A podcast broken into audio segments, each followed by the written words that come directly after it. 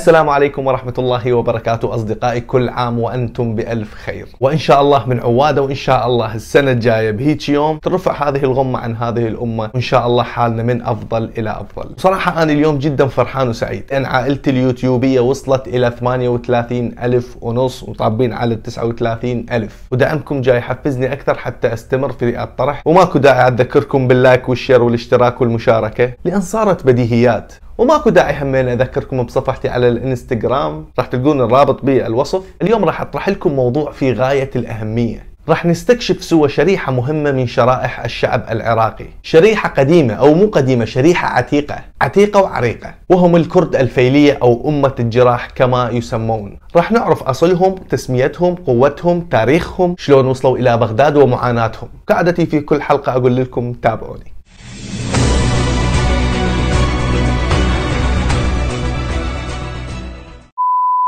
نرجع وياكم بالزمن إلى أسطورة نشأة الشعوب وهو طوفان نوح. بعد ما رست سفينة نوح أحد أبناء نوح عليه السلام اسمه يافث يافث كما هو معلوم سكن أواسط آسيا اللي هو جنوب روسيا من القارة الآسيوية. لذلك الآسيويين يسمون باليافثيين وهم أصحاب البشرة البيضاء وأصحاب البشرة الصفراء. من سلالة يافث انبثقت مجموعة من القبائل تسمى بالآريين أو الشعوب الآرية. المهم الآريين انتقلوا من أواسط آسيا باتجاه منطقتنا في الشرق الأوسط وانقسموا إلى قسمين. قسم سكنوا جنوب الهضبة الإيرانية في منطقة بارس. هؤلاء صاروا الفرس. والقسم الثاني سكنوا سلسلة جبال زاكروس. وجبال زاكروس هي الجبال التي تفصل ما بين العراق وتركيا وإيران. وللمعلومة إيران معناها أرض الآريين. تقريبا كل هذه المعلومات ذكرناها في حلقة الأكراد. المهم الآريين اللي سكنوا سلسلة جبال زاكروس تكاثروا وانتشروا في هذه المنطقة. في الغالب كانوا مزارعين وهذا كان حوالي سنة 4000 قبل الميلاد.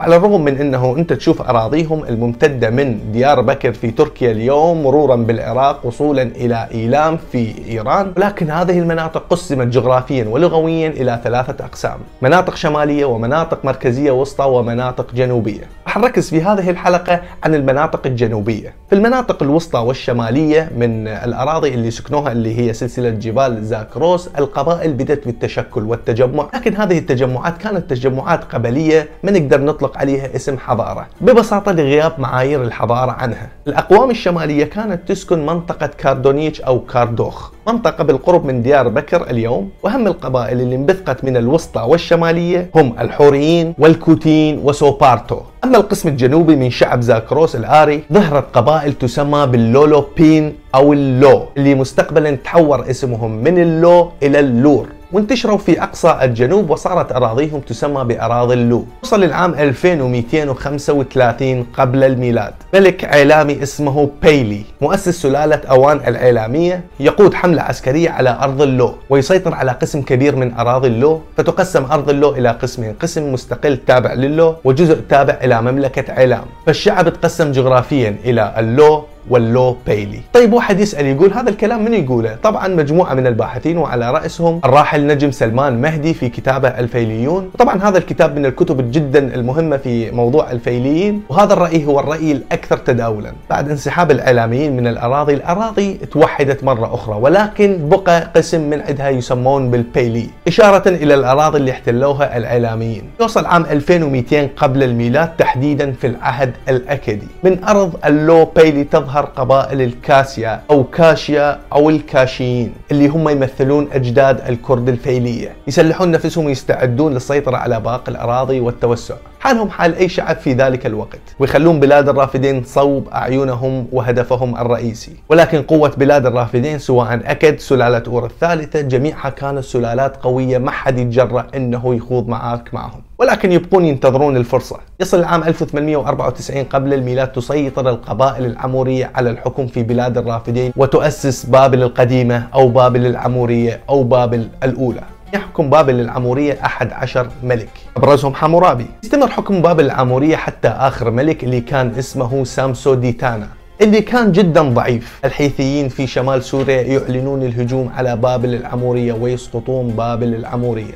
وللمعلومة يعتقد بأنه الحيثيين هم القبائل الزاكروسية التي كانت تسكن في القسم الشمالي. بعد سقوط بابل العمورية بيد الحيثيين يستغل الكاشيين هذه المرة الفرصة وينجحون في السيطرة على الحكم في بابل سنة 1445 قبل الميلاد. وتحكم بابل بواسطة القبائل الكاشية البيلية بقيادة الملك غاندش يحكم الكاشيين البيلية خمسة قرون بستة ملوك. في زمانهم ازدهرت العلاقات بين بابل وبين مصر الفرعونية خاصة في زمن طحتمس الثالث. اهتموا الكاشيين ببناء المعابد والزقورات من أبرزها زقورة عقرقوف اليوم موجودة في الغرب من بغداد، إضافة أنه الكاشيين احترموا آلهة البابليين اللي هي عشتار ونابو، ولكن دوام الحال محال. يجي عام 1161 قبل الميلاد، تحديدا في زمان الملك الكاشي إنليل نادون آخي، العيلاميين يهجمون على بابل الكاشية ويسقطون الحكم الكاشي البيلي وينقلون الكنوز إلى عيلام من ضمن الكنوز المحملة كانت مسلة حمورابي. بعد خسارة الكاشيين يرجعون إلى أرضهم الأم أرض اللو.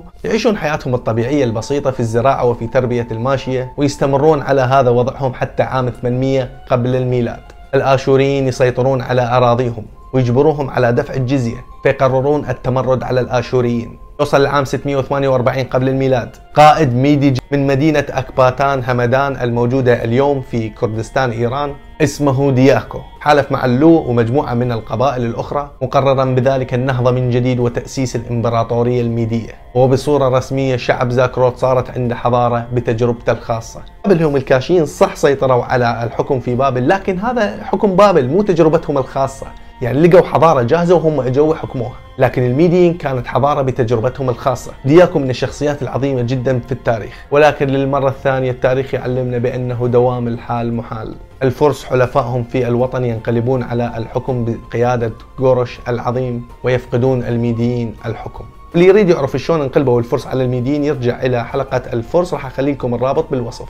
المهم الفرس يؤسسون الإمبراطورية الفارسية الأخمينية وتبدأ سلسلة المعارك مع اليونان. اليونانيين يصلون إلى مدينة كاردونيتش أو كاردوخ قرب ديار بكر ويتعرضون إلى مقاومة لكن اليونانيين لاحظوا بأنه هؤلاء المقاتلين هم ليسوا فرس فأطلقوا عليهم اسم مقاتلي الكاردونيتش أو مقاتلي الكاردوخ. يعني هذا على حد وصف المؤرخ اليوناني زينوفون ويكتسب سكان زاكروس اسم الكرد.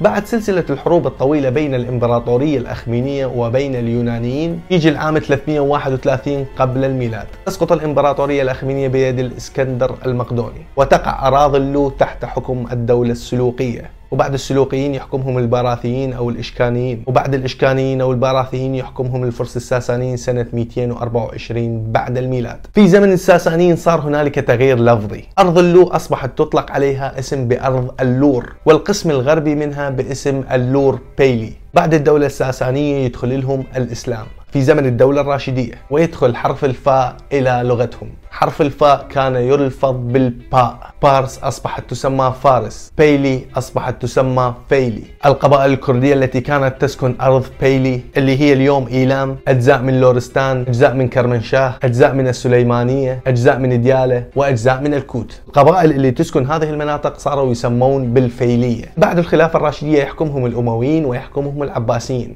مع ضعف الدولة العباسية يسيطر البويهيين على الحكم. في العهد البويهي انتشر المذهب الجعفري في كل بلاد بما فيها أرض لورستان وأرض الفيلية. بعد مدة وتحديدا سنة 1501 يسيطر الصفويين على الحكم وتقع أراضيهم تحت الحكم الصفوي. مع التوتر والحروب ما بين الصفويين وما بين العثمانيين يرتقي قسم كبير من كرد لورستان إلى مناصب في الدولة الصفوية.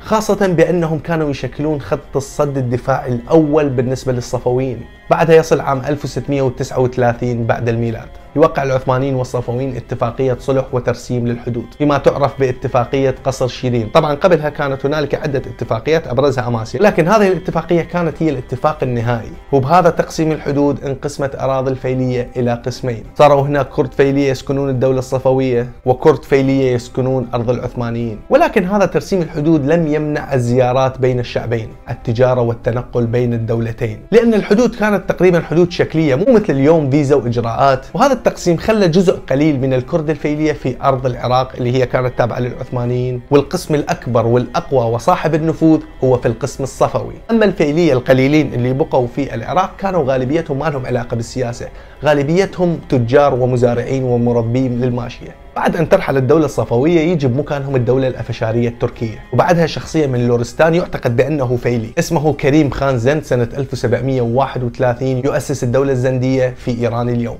يسيطر على قسم كبير من الأرض ويتخذ من شيراز عاصمة له ويسمى بوكيل الرعايا أو الوكيل. ولحد اليوم موجودة هنالك قلعة في شيراز اسمها قلعة كريم خان زند وهنالك بازار في آه، شيراز اسمه بازار وكيل. كريم خان زند يهجم على الأراضي العثمانية تحديدا في مدينة البصرة ويحاصر البصرة. ويستولي كريم خان زند على البصرة وعلى الكويت. والي البصرة يطلب الدعم من والي بغداد ولكن بغداد في تلك الفترة كان يفتك بها الطاعون. بالإضافة إلى مشاكل سياسية مع العثمانيين. وبعدها والي البصرة يطلب الدعم من العمانيين فيرسل العمانيين سفنهم لإنقاذ البصرة من كريم خان زند. المهم تقع سلسلة معارك بين الدولة الزندية والدولة العمانية. العمانيين يفشلون في استرداد البصرة ويرجعون إلى عمان. تبقى البصرة تحت سيطرة الدولة الزندية. تحكم الدولة الزندية الكردية اللورية الفيلية لمدة 30 عام. بعدها سلالة قاجارية تركية تسيطر على الحكم في بلاد فارس اللي هي إيران اليوم يشكلون إمارة شبه مستقلة. يعني الدولة الزندية وكريم خان زند وهذه الحروب والمشاكل كانت في بلاد فارس. أما الكرد الفيلية في العراق فما كان لهم أي دخل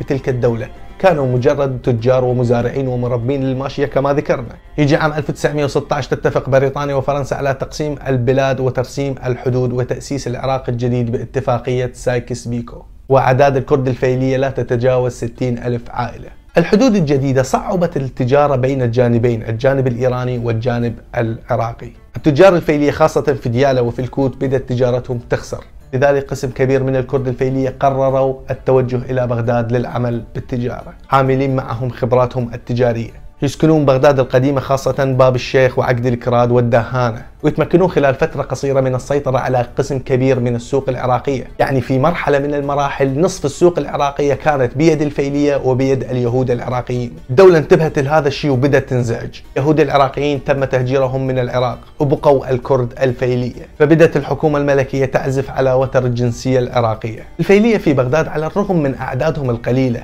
إلا أنهم كانوا يمثلون رأي حازم وواضح وصريح. وتوجيه انتقادات لاذعة إلى الحكومات بدأوا بتأسيس الجرائد والصحف اللي تنتقد تصرفات الحكومة عيني عينك. يجي عام 1958 يصل عبد الكريم قاسم إلى الحكم. عبد الكريم قاسم تعامل معهم بإيجابية يعني كان التعامل معهم على أساس المواطنة وهذا الشيء الوحيد اللي هم كانوا يريدوه. بعد عبد الكريم قاسم يصل حزب عروبي من طراز حزب البعث إلى الحكم في العراق. وتبدأ المشاحنات بين العراق وبين إيران الشاهية. ويتخذ للأسف النظام الحاكم في العراق من الكرد الفيلية ورقة ضغط على إيران. تزداد معارضة الكرد الفيلية للحكم ويزداد الضغط من قبل النظام على هذه الشريحة. يصل عام 1970 تبدأ عمليات تسفير الكرد الفيلية إلى إيران. اعتقالات بالجملة واحتجاز في نقرة السلمان. مصادرة أموال منقولة وغير منقولة. أعدادهم على الحدود ازدادت.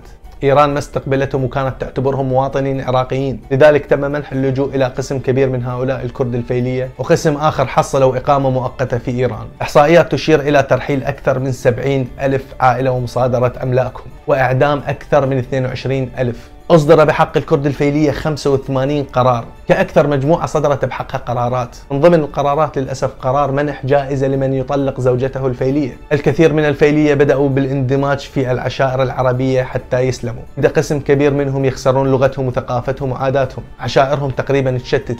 الكرد الفيلية لم يتماشوا مع سياسة إقليم كردستان ذات الطبيعة الانفصالية بل أصروا على أن يكونوا جزء لا يتجزأ من العراق. ذلك تعامل إقليم كردستان مع الأكراد الفيلية تعامل بارد نوعا ما. كرد الفيلية على الرغم من قلة عددهم بالعراق يمثلون طبقة من طبقات المجتمع الراقية والمحترمة. قدموا شخصيات محترمة من باحثين ومفكرين وأدباء. لحد يومك هذا يبقى الكرد الفيليين يحملون بداخلهم آلام وذكريات. ونوصل وياكم إلى نهاية الحلقة. أتمنى أكون توفقت في الطرح والشرح. وعلى أمل اللقاء في حلقات قادمة أقول لكم شكرا جزيلا لكم. في أمان الله.